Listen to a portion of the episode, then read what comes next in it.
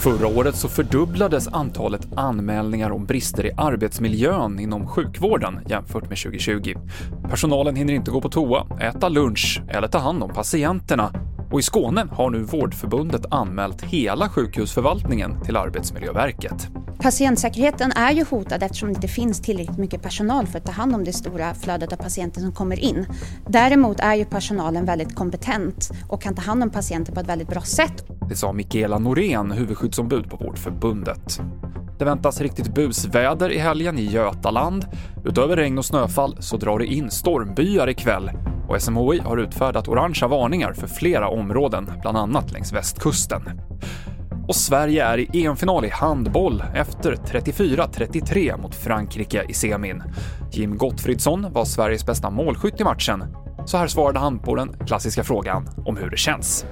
Ja, just nu är man trött, men eh, glädje, lättad. Eh, jag tycker vi spelar, eh, utom första 10 minuter, tycker vi har en väldigt bra landskamp.